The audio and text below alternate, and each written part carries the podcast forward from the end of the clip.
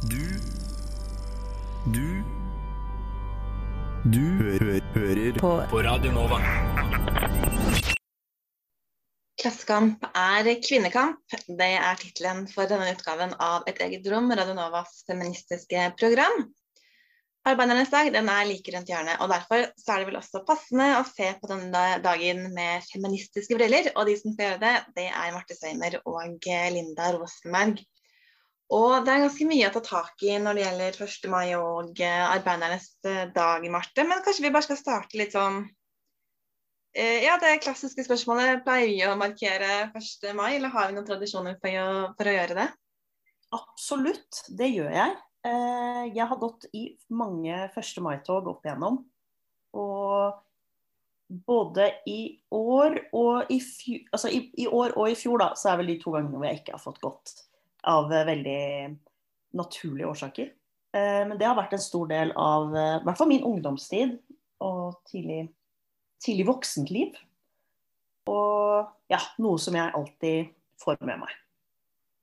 Ja, jeg har ikke gjort det her så veldig mange ganger, men jeg gikk i korps. Så 1. mai for meg var litt sånn spille ved en kransenedleggelse, på en måte. Det var det som var 1. mai. Ja. Og så var det en tale som ikke var så spennende å høre på. Men jeg har, ehm, jeg har vært eh, med og markert 1. mai i hvert fall to ganger. Og første gangen da var det surt og kaldt. Jeg tror ikke det regnet, men det var ikke langt unna. Og jeg gikk alene sammen med en gjeng fra Fremtiden i våre hender. Kjente ingen. De kjente hverandre. det var veldig hyggelig, og de var veldig søte og, og ja, ønsket meg velkommen. Men jeg følte meg litt sånn alene likevel. Og de var kanskje det siste eller nest siste som gikk i dette lange toget. Så vi sto og ventet i kulda i to timer før ja. vi gikk den runden. Det var mitt møte med arbeidernes dag. Hvordan var, eller sånn, for vi har jo, Det var jo jeg og du som hadde en eh, episode hvor vi snakket om 8. Eh, mars. Mm. Eh, og det samholdet man kan føle og sånn. Og da du gikk da i 1. mai-tog for første gang, fikk du et sånt Følte du på et samhold, eller en sånn kampgnist som ble tent inni deg? Um, godt spørsmål. Man følte i hvert fall at man, at man, var med på noe av betydning når man gikk, ja. og det var liksom folk som så på, og det var litt sånn Hvorfor går ikke du her sammen med oss, liksom? Uh, og er en del, uh, del, av det. Så ja, kanskje til en Kanskje sånn litt. Men kanskje det er lettere å liksom kjenne på det når man er en gjeng som går sammen, og man liksom girer hverandre litt opp, og man har liksom en felles idé bak det. Ikke sant. Eh, for det var vesentlig annerledes eh, året etter. Da var det sol, det er vel to år siden nå. Og da var vi to stykker, og da var Istedenfor å gå bak én parole, så hoppet vi litt sånn ut og inn av toget. Stå og så litt på toget. Gikk bak en parole, hoppet ut igjen, stå og så litt til. Det var også veldig, veldig gøy. Da fikk man liksom mange ting med, i samme slengen høres ut som en eh, god eh, strategi for å få med seg, eh, få med seg det meste. Mm. Men det her har blitt markert ganske lenge. Du har jo sett litt på det historiske? Ja. Jeg har sett litt på eh, egentlig konseptet 1. mai eh, i form Altså med feministiske øyne. For det er mange som sier at eh, klassekamp er kvinnekamp, og kvinnekamp er klassekamp osv. Og 1. mai er jo markering for arbeidernes dag. Eh, så jeg har valgt å se, eh, valgt å se litt på hvordan kan man si eh, Hvorfor kan man si at klassekamp er kvinnekamp? Og da kommer jeg inn på å lese en del veldig fine artikler på kvinnehistorie.no.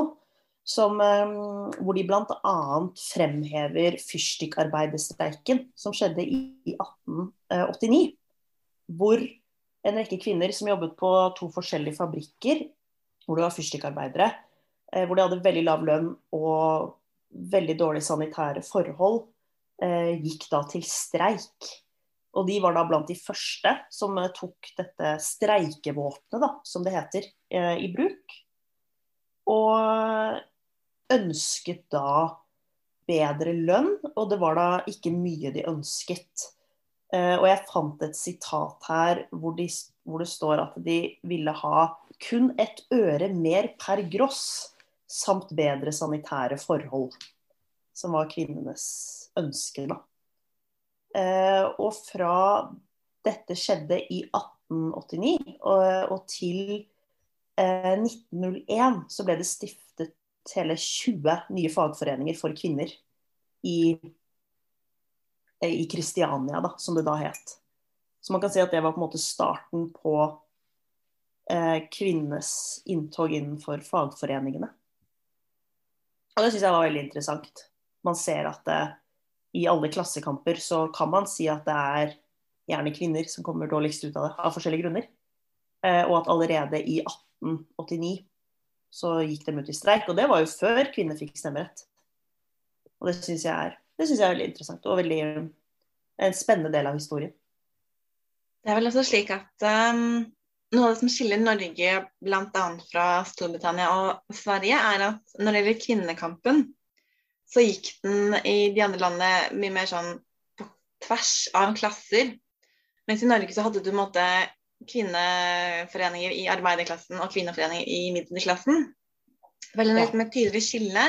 Og så var det også veldig tydeligere grupperinger både i blant middelklassekvinnene og arbeiderklassekvinnene. Eh, og blant arbeiderklassekvinnene så var en av forskjellene var jo du hadde de som kjempet for kvinners rettigheter og arbeidsvilkår som hovedfokus. Og så var det andre som var sånn vi må først ta kampen for mennene før kvinnene kan liksom ha en sjanse. Men det var en mye mer pragmatisk tilnærming til, til hvordan man skulle bedre sin egen arbeidsdag. Ja. Eh, som også er interessant at man hadde sånn ulike forståelser av hvordan den kampen burde foregå for å, for å oppnå det man ville, da.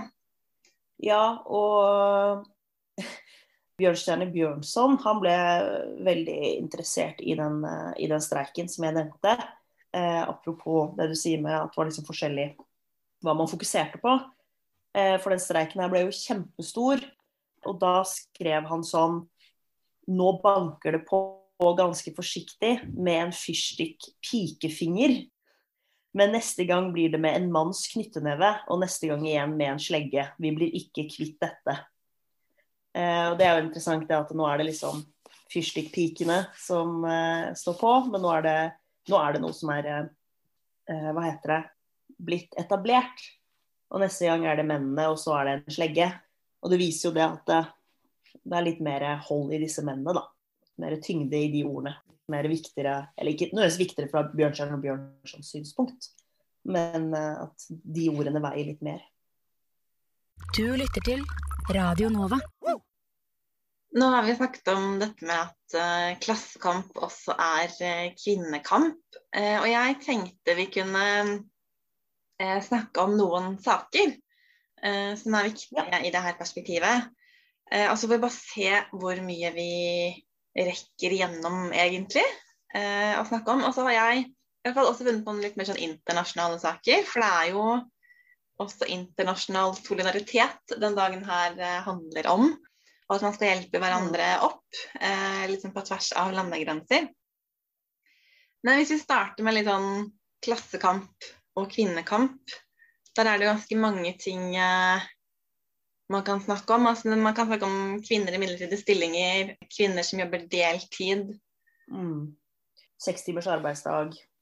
Det er også eh, noe som veldig mange er opptatt uh, av. Jeg vet ikke, Har du eh, noen taker her som du har lyst til å, å nevne? Eller ta opp og snakke litt om? Eh, tenker du nå dagens, dagens, paroler i år, eller sånn generelt? Nei, sånn generelt, egentlig. Ja. Hvis vi tar liksom utgangspunkt i klassekamp. Eh... Altså, jeg synes den sekstimers arbeidsdagen er veldig interessant. Fordi det er fortsatt noe som eh, blir eh, diskutert, og fortsatt paroler som blir laget. Og sekstimersdagen var et av kvinnebevegelsens mest sentrale krav. Og de mente at dette skulle gjøre at man kunne kombinere fritid og arbeid, og man skulle få lønn for det. og at man ikke skulle da forsømme alt som het omsorg og ansvar utenfor jobben, har jeg lest. Og dette fortsatte jo langt ut på 70-tallet, og det startet da i 1920-årene. Og det at vi fortsatt snakker om det, og ikke så kanskje mye fra et kvinneperspektiv, men eh, at det er det det kommer fra. Det har jeg tenkt litt på. Og det er jo noe med den at, at den sekstimersdagen har jo dermed alltid vært et kvinnekrav. Og eh, fordi man ønsker at det Ja, at de tenker at hvis arbeidsdagen hadde vært kortere, så ville flere kvinner da hatt fullt arbeid og fullt lønn. Og dermed nærmere både likelønn og likestilling. Eh, mens nå når, eh, eksempel, når man nå f.eks. diskuterer seks timers arbeidsdag, så handler det jo ikke bare om eh, likestilling og lønn, men da handler det også om hvorvidt man jobber for mye i det samfunnet her. Og hvorvidt det, vi jobber unødvendig mye. At livet bare er arbeid. Jeg syns det er veldig interessant at noe som kom fra kvinnebevegelsen i 1920 fortsatt er så aktivt, og at folk kjemper ennå for det. Men på akkurat som... på den saken, selv om man har diskutert det i mange tiår, så er det jo Det har vært en humper på veien. Det var jo en periode ja hvor eh, hvis det var et ektepar, så kunne jo ofte bare mannen få lov til å jobbe fordi det var mangel på arbeidsplasser veldig mange steder. Mm. Og så kommer det denne husmoræraen som var i hvert fall 50- og 60-tallet, inn på 70-tallet. Og både på 70- og tidlig 80-tall så var det jo litt sånn Du hadde jo lokalpolitikere som, som tenkte hvorfor skal vi prioritere trygg skolevei? Hvorfor kan ikke bare mødrene følge barna på skolen? For det gjorde jo våre hustruer på 50- og 60-tallet. Altså det var den holdningen der, da. Mm. Det kunne ikke bare damene være hjemme hvis det var så forferdelig utrygt for barna å være alene. Eh, så nå er liksom 80-90-2000-tallet før det her blir liksom kanskje reaktualisert på ordentlig? Ja, det tror jeg. Fordi jeg er oppvokst med at det er et krav som da gjerne Eller det har jo alltid vært et eh, klassisk SV-krav og et Ap-krav for øvrig, men jeg husker at jeg er oppvokst med det med de parolene i 1. mai som det politiske slagordet som vi kjenner det igjen i som i dag, da. Eh, litt sånn nymoderne av andre grunner. Så det er en sånn er, Jeg føler at det, den seks timers arbeidsdag er en sånn parole og en kampsak som viser at klassekamp er kvinnekamp, og kvinnekamp er klassekamp.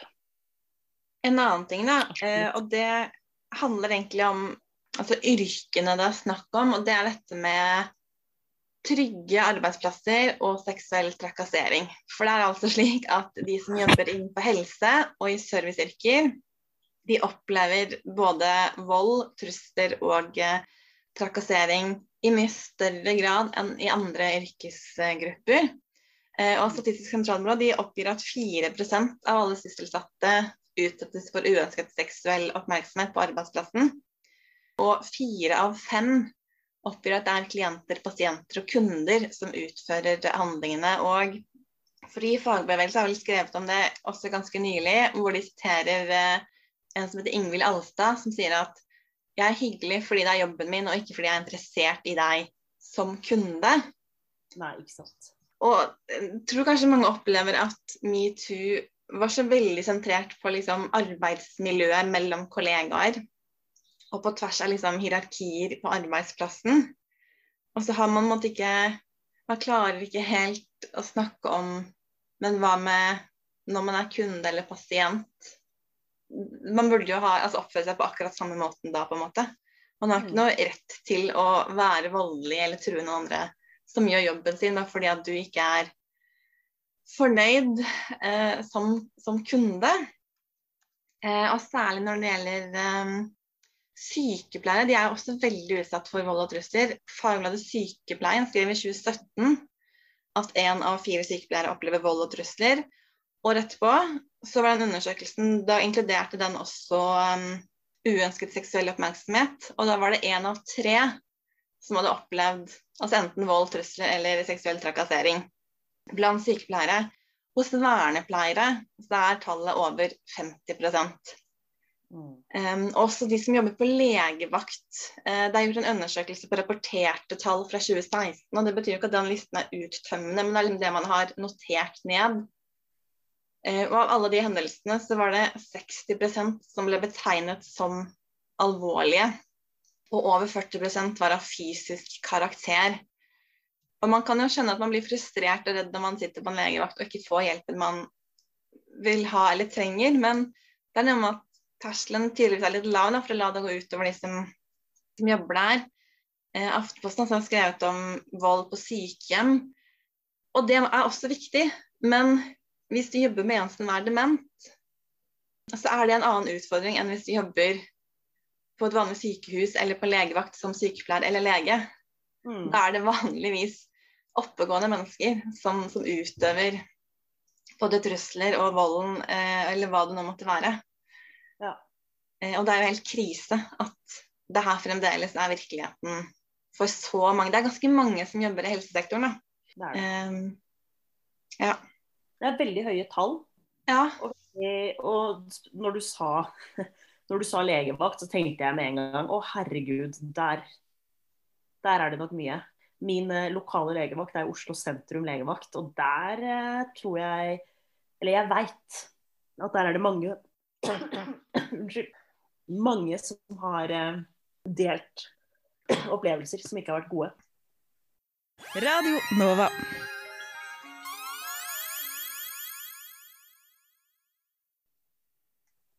Men da kan vi gå videre til um, en annen sak som, som, er veldig viktig, og som um, jeg tror alle er enige om at det er viktig, og så er det litt sånn Men skjer det egentlig noe? Og det er dette med at eh, hvert fall fra et feministisk perspektiv så er man jo opptatt av likestilling og like muligheter for alle. Eh, uavhengig av liksom, kjønn, eh, etnisitet, religion, funksjonsvariasjon. Og særlig Altså, man vet jo at hvis du har et eh, ikke-norskklingende navn, så er sannsynligheten mindre for at du kommer på intervju i 2019 så kom det en undersøkelse fra UiO om at kristne og muslimer de har 33% lavere sannsynlighet for å komme inn på intervju hvis noe fremkommer i CV-en som viser at de har en eller annen tilknytning til en religiøs organisasjon. Men så er det dette med, med de som har en funksjonsvariasjon. Da.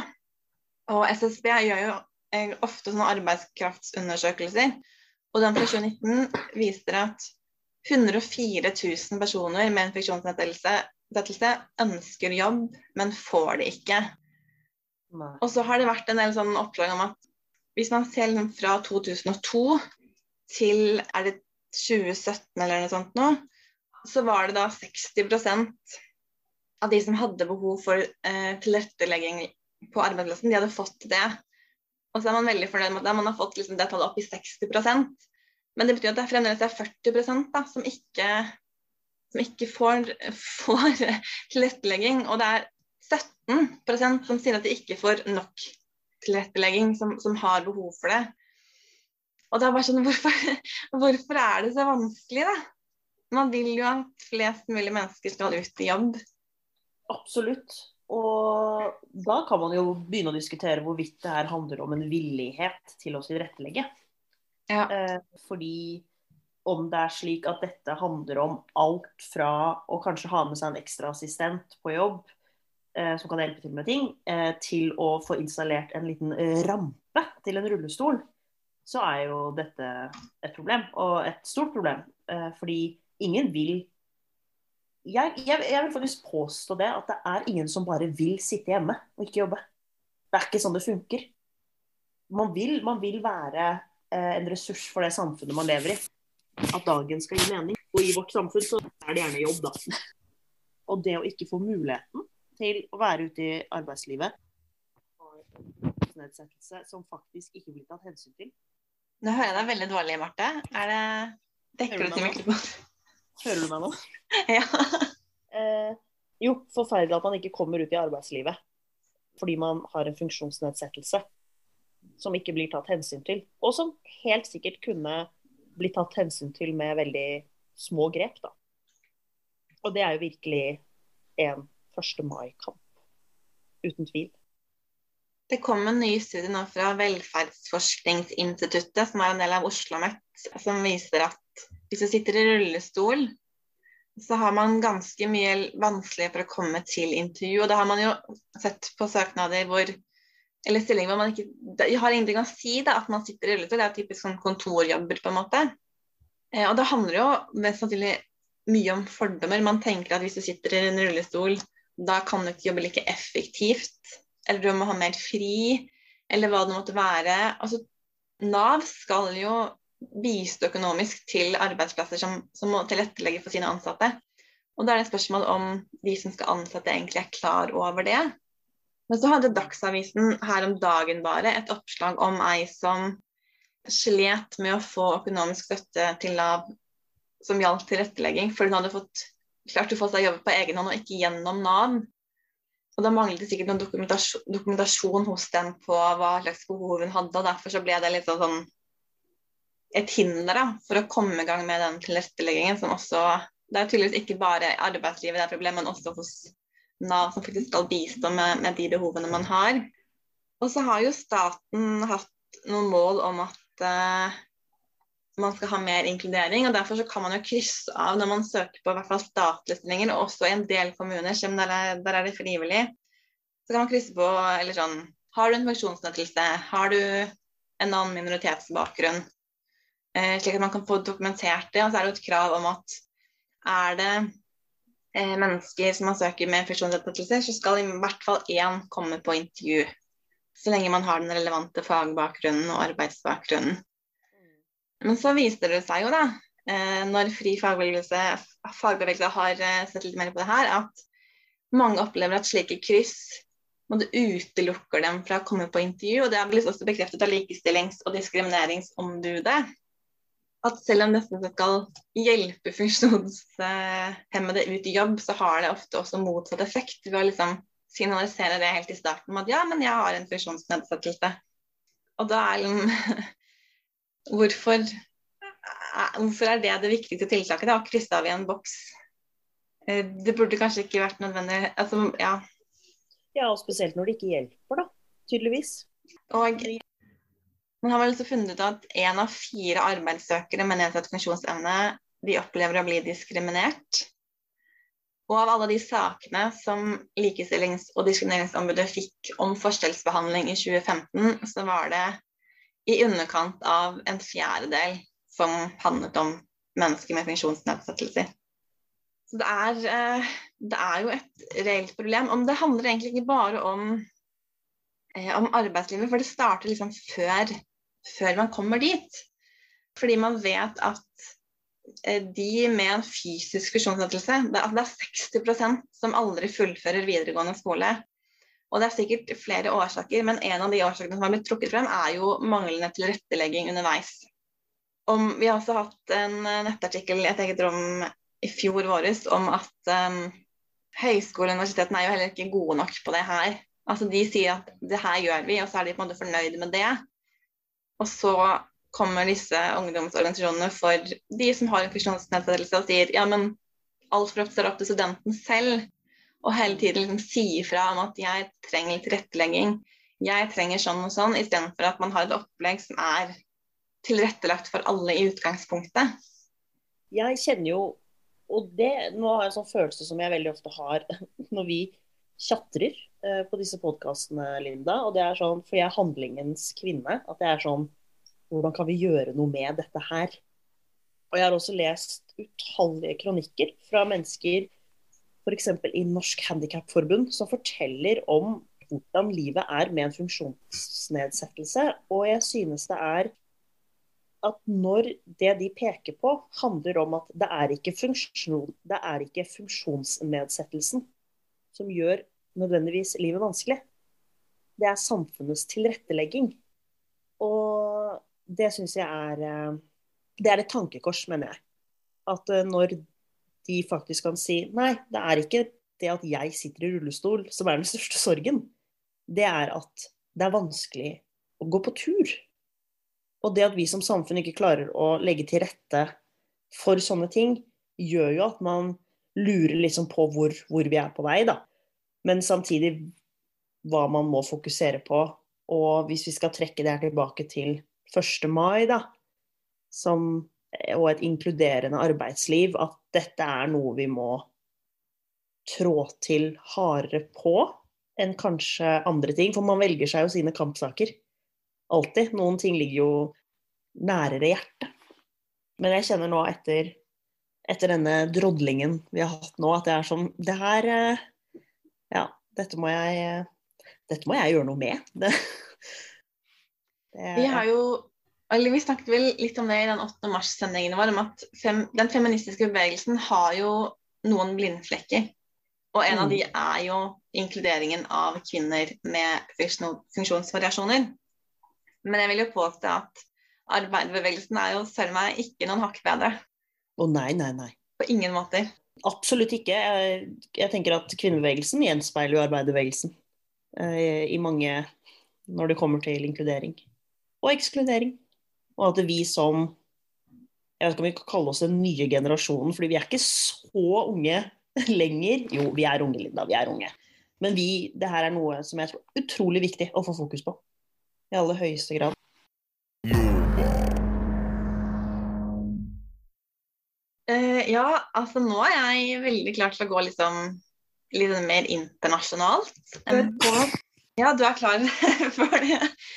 Uh, det er én sak som Det kan hende at folk ikke helt tenker på som en arbeidersak. Men jeg skal argumentere for at det er det likevel, og det handler om mensen. Som jeg altså nok en gang velger å trekke inn. Og det handler om at mensen er ikke bare noe som gjør at millioner av kvinner eh, slutt, eller jenter blir hjemme fra skolen, eller slutter på skolen fullstendig når de får mensen. Eh, det vet man sør for Sahara så ser man at eh, Og da snakker vi ofte om 10. klasse i videregående alder. Disse jentene, veldig mange av dem, mister ett semester totalt pga. mensen. Ja. Eh, og man vet jo at flere millioner globalt sett slutter på skolen når de får mensen. Eh, og som gjør at de får færre muligheter for jobb. I det hele tatt blir økonomisk uavhengige. Og dermed også blir, blir de mer utsatt for, for vold fra, fra, familie og ja, ikke bare mannen, men, men, men fra nær familie. Mm. Eh, og det ble for noen år siden gjennomført en undersøkelse blant eh, fabrikkarbeidere i Bangladesh. Kvinnelige fabrikkarbeidere. Og 73% gikk glipp av jobb de dagene de hadde mensen. Det vil at de mister én arbeidsuke hver måned med lønnet arbeid. Som selvfølgelig påvirker hele familien og deres muligheter videre. Man vet også at når foreldrene jobber, og har en stabil inntekt, så har barna langt større muligheter for å fullføre videregående skole. Og vi vet også at fattigdom er en av hovedårsakene til barneekteskap. Så det å liksom takle mensen og snakke om det, det handler altså både om at jenter skal få muligheten til å fullføre videregående skole, få muligheten til å ta utdanning, men også ha muligheten til å håndtere mensen når de er i jobb. At de ikke trenger å være hjemme pga. det. Mm. Og Dagfinn Høybråten i Kirkens Nødhjelp han sa i 2019 i en kronikk på NRK Ytring mensen handler om trygghet, verdighet og fremtidsmuligheter. Og arbeidsliv handler jo også om trygghet, verdighet og fremtidsmuligheter. Så jeg mener at det er en helt åpenbart arbeiderkamp å fjerne mennesker som tabu og stigma, kreve rent vann og gode sanitærforhold i områder hvor dette mangler. Og det er en stort mangel på det mange steder i verden. Det er et av FN-målene om at man skal få rent vann og gode sanitærforhold til alle innen 2030. At man sørger for at alle kvinner har mulighet til å håndtere mensen, enten det er liksom menskopp eller tøybin, men også såpe. Slik at de kan gjøre det rent, både det de bruker og seg selv. Og kreve bedre og mer undervisning om hva mensen er. Dette var min tale om hvorfor mensen er en arbeidersak. Amen, Linda. Yeah. here, here. Jeg eh, stiller meg 100 eh, bak eh, den talen. Jeg er helt enig. Og jeg tenker at jeg føler mens du snakket om det, så tenker jeg at dette bare understreker så sykt det vi innledningsvis nevnte, at kvinnekamp er klassekamp. Fordi dette her, som du sa, snakket vi også om i 8. mars-sendingen vår. Så jeg føler at dette viser Dette understreker vårt poeng veldig, veldig godt. Det blir eh. jo eh, også klasseperspektiv på den måten at jo fattigere du er, jo vanskeligere er det å håndtere mensen. Mm. For da er det mindre for at du har rent vann og gode sanitærforhold og det du trenger når du har mensen, og mest sannsynlig så Ja, hvis du ikke har et uh, trygt sted å gå på do i utgangspunktet, da. Ja, det er jo Det er jo Altså, kan, man kan jo bare ta kan, kan, bruke meg selv som eksempel, for den saks skyld, hvor privilegert man er. Det er jo sånn Hvis jeg er på Blindern og plutselig får mensen, så kan jeg selvfølgelig bare enten gå på bunnpris og kjøpe det jeg trenger. og hvis det er noe som forhindrer det, så kan man gå på do, stappe Og da kan man jo for det første gå på do, hvor det er rent vann. Og så kan man eh, stappe papir ned i trusa, fordi man også veit at eh, man kommer hjem etterpå. Og da får man dusjet og, skift, uh, og skiftet. Det er ikke noe det er ikke noe hindring som sådan, fordi man får tak i det ene og det andre. Og også hvis man ikke får tak i de produktene man trenger, så veit man at da finnes det også løsninger. Og også så kommer man hjem, og da er det ikke så farlig. Og det føler jeg er et Det viser hvor privilegert man er som et, et menstruerende individ i eh, det norske samfunnet, da. Og så er, er det jo eh, mye mindre stigma om det også i Norge. Altså Er du så heldig at du kan ha en fleksibel arbeidstid, så kan du faktisk gå til arbeidsgiveren eller lederen og si at vet du hva, nå er jeg skikkelig dårlig pga. mensensmerter, så nå trenger jeg bare ta ti minutter pause, eller rett og slett bare gå hjem og så ta igjen noen timer dagen etterpå mm. eller uka etterpå. Eh, men også yrker hvor det ikke er så lett, da, så kan man liksom si at vet du, hva, nå trenger jeg bare ti minutter og liksom bare puste ut. Og så tror jeg de fleste etter du, du, du, får den forståelsen, da. Selv om det kanskje egentlig ikke er ideelt, så skjønner man liksom hvor det kommer fra, man skjønner hvordan det er, og man tenker litt sånn OK, men da kan noen andre strekke seg litt ekstra de ti minuttene. Så man får liksom tatt noen smertestillende, puste litt ut før man liksom gir jernet igjen. Ja. Det er, jeg er helt enig. Og og så kan man jo selvfølgelig dra det lenger og debattere hvorvidt eh, man burde hatt eh, noen gratis sykedager inne der. Fordi kvinner er jo forskjellige, og hvordan man eh, har det når man har mensen er også veldig forskjellig. Men jeg tenker hvordan vi har det når det gjelder eh, stigmatiseringen, og at man kan snakke om det, er jo noe helt annet enn det er i andre deler av verden. Og det å si det å si i Norge at uh, en jente kan ikke gå på skolen når hun har mensen, det vil jo altså Det, det fungerer jo ikke. Det er jo ikke sånn, og bare det er jo fantastisk at man har kommet så langt, for det har jo ikke alltid vært sånn heller. Så jeg stiller meg 100 eh, bak din tale, Linda. Tusen takk. så fint. Det er så greit at man er enige. Ja, ja. Fordelen med å være et uh, feministisk program, si. Ikke sant. Og så er det ja, én ting til som er internasjonalt, og det er veldig aktuelt i år. Fordi det er åtte år siden i år at en bygning, Rana Plaza, raset sammen i Bangladesh. En fabrikk. Da ble 1188 tekstilarbeidere drept, eller de døde i denne ulykken. Og mer enn 2500 ble skadet. Og det denne tragedien førte til, det var at man fikk et rom for å presse disse globale internasjonale kleskjedene til å signere en avtale for å starte systematisk sikkerhetsarbeid på disse fabrikkene.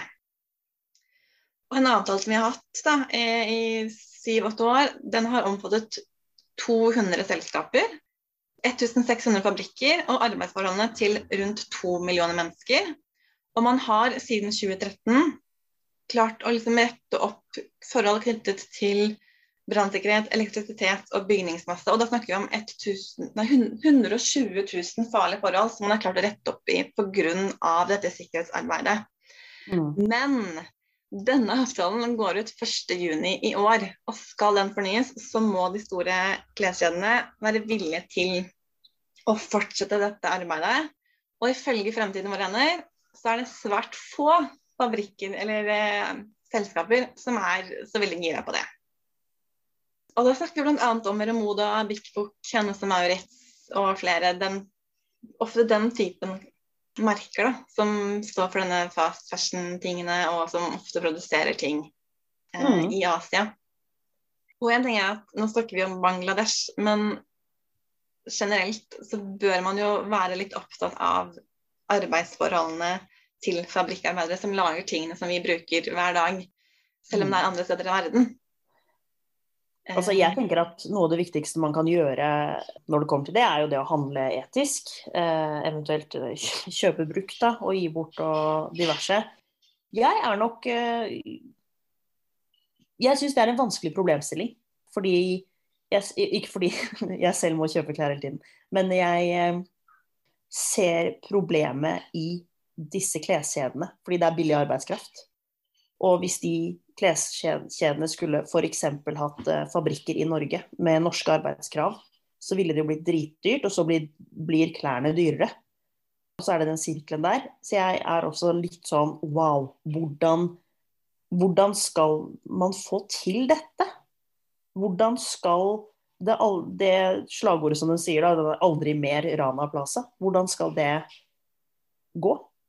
Det er, det er ikke noe som har noen løsning på det, men akkurat vet du, klesindustrien, der eh, Det er ikke vanligvis at jeg er sånn litt sånn, hva heter det, eh, litt eh, Ikke negativ, men vet du, Jeg finner ikke ordet. Det er det som er mitt problem nå. Ikke ambivalent, for jeg mener at det er noe som virkelig burde gjøres noe med. Samtidig som jeg syns det er så vanskelig å se en løsning på det. Fordi verden er som den er. Og det er så forferdelig å si Pessimist. Det var det det var skikkelig pessimistisk i forhold til det. Fordi jeg føler sånn at når alt kommer til alt, så handler fortsatt folk på Monkey, Cubus, Veromoda, og så glemmer man det. At det å handle etisk tøy er så langt unna hva vi i spesielt Vesten tenker over. Jeg vet ikke, Hva tenker du om det? Har du liksom en sånn fremtidstro når det gjelder arbeiderne i da f.eks. Bangladesh, i tekstilindustrien? Jeg tenker at Her kan vi snakke om etikk på to forskjellige eh, måter. Du har liksom det klimaetiske, mm -hmm. men så er det også det arbeidslivsetiske. Og én ting, altså klimamessig, så verden tjener på at man handler mindre, og at man handler bedre når man gjør det. Samtidig så skjønner man jo at de som bor i Asia også trenger en jobb. Det er en grunn til at de har en fabrikk der i utgangspunktet. Så det å liksom finne en måte å liksom løse begge deler på, er jo et enormt spørsmål. Men jeg syns i hvert fall at man bør kunne kreve at internasjonale selskaper med masse milliarder av penger de bør i hvert fall kunne signere en avtale på at de som skal lage deres produkter, om det er klær eller sko eller hva som helst, har en trygg arbeidsplass. Eh, og, det, og det en ting er trygghet, og så kan man snakke om lønn og andre typer arbeidsforhold. Men hvis du i hvert fall vet at den arbeidsplassen du har, den er trygg, du dør ikke av å være der, på en måte, fordi at det, det er farlig. Så man må gjøre det først. Og så kan man liksom gå på det som går på lønn, eh, trakassering, alt mulig annet rart. på en måte. Eller sånn, det, det er så stort og komplekst, da, men akkurat dette med sikkerhet det føler jeg liksom er, og mener, det bør være et minstekrav da, som man bør kunne stille til disse selskapene. Ja, du, det, det, er sant. Jeg tenkte nok litt stort. Jeg var nok litt for pessimistisk, litt for rask der. Eh, fordi det er så spesielt. Det er eh, ja, den sikkerheten, bare det, burde vært altså, ja, så utrolig viktig. Fordi man, man snakker mye om grønnvasking. Eh, og at de vil jo fremstå, disse eh, butikkene og selskapene, som mer miljøvennlige enn de er. Og jeg tror det handler om at folk flest er mer opptatt av miljø og klima enn av arbeidsforholdene til de som lager klærne. Og derfor så kan man liksom gjemme litt bort hvordan de egentlig har det. Fordi det er, liksom, det er miljø og klima som er i vinden akkurat nå. Mm. Eh, og da mener jeg at det her hadde jo vært en enorm mu viktig mulighet da, til å løfte frem det på en 1. mai og si sånn Skjerp dere, liksom. Um, ja. Og så er spørsmålet hadde det fungert hvis det hadde vært en fysisk markering. Fordi min erfaring med det ene året da jeg gikk sammen med Fremtiden var enig, vi var kanskje 15 mennesker, og vi gikk som sagt sist, eller nest sist en ganske langt tog. Mm. Um, det betyr ikke at man er uviktig, men jeg bare skulle ønske at man klarte å liksom At flere valgte å engasjere seg i den saken, da. Ja, men jeg er helt enig.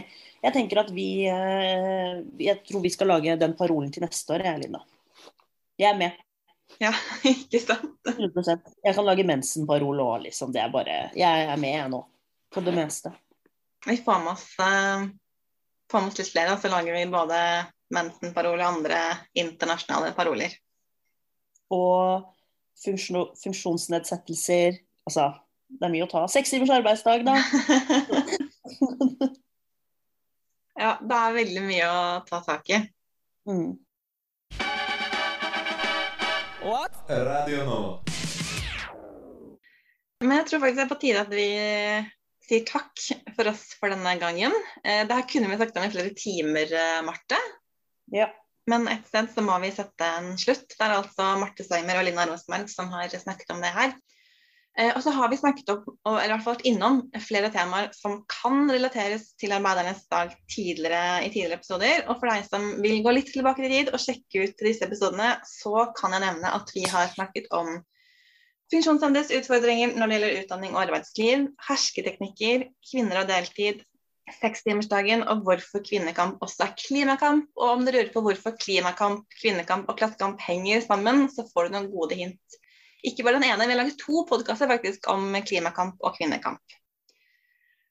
Og så har vi altså tidligere i år lansert en ny spalte som vi egentlig aldri kom oss særlig videre med, eh, nemlig feministiske anbefalinger. Det har vi prøvd å gjøre noe med nå. Så hvis du har lyst på en feministisk anbefaling, så bør du følge med. Og den som skal anbefale noe for oss denne uken, det er Katrine Oppheim. Eh, og med det, Marte, så må vi bare si takk for oss for denne gangen. Vi høres. Vi høres. Denne uka vil jeg anbefale en viktig bok som heter 'Brev til kommisjonen'.